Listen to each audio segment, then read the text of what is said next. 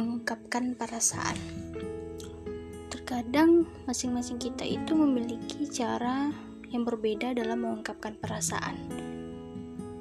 Masing-masing kita itu juga memiliki teknik ataupun metode dalam menyampaikan apa yang dirasakan.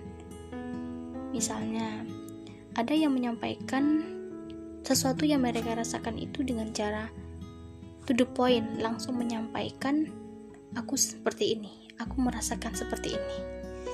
Ada juga yang menyampaikannya dalam bentuk kata-kata yang abstrak atau kata-kata yang ambigu.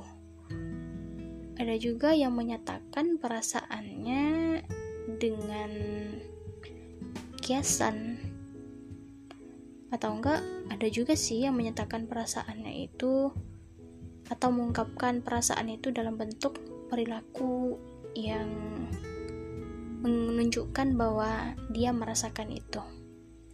Nah, memang betul masing-masing kita itu memiliki cara yang berbeda dalam mengungkapkan apa yang dirasakan.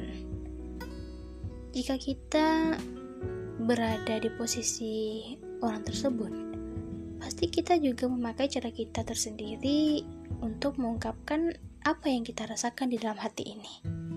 Misalnya, kita tidak suka dengan lawan bicara. Mungkin kita menyampaikan ketidaksukaan itu dengan cara tidak terlalu respect terhadap apa yang dia katakan atau tidak terlalu mendengarkan apa yang dia katakan.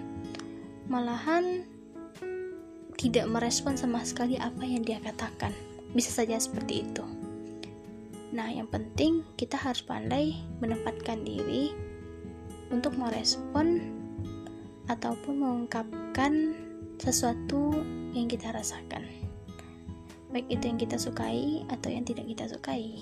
Oke, okay. selamat mencoba.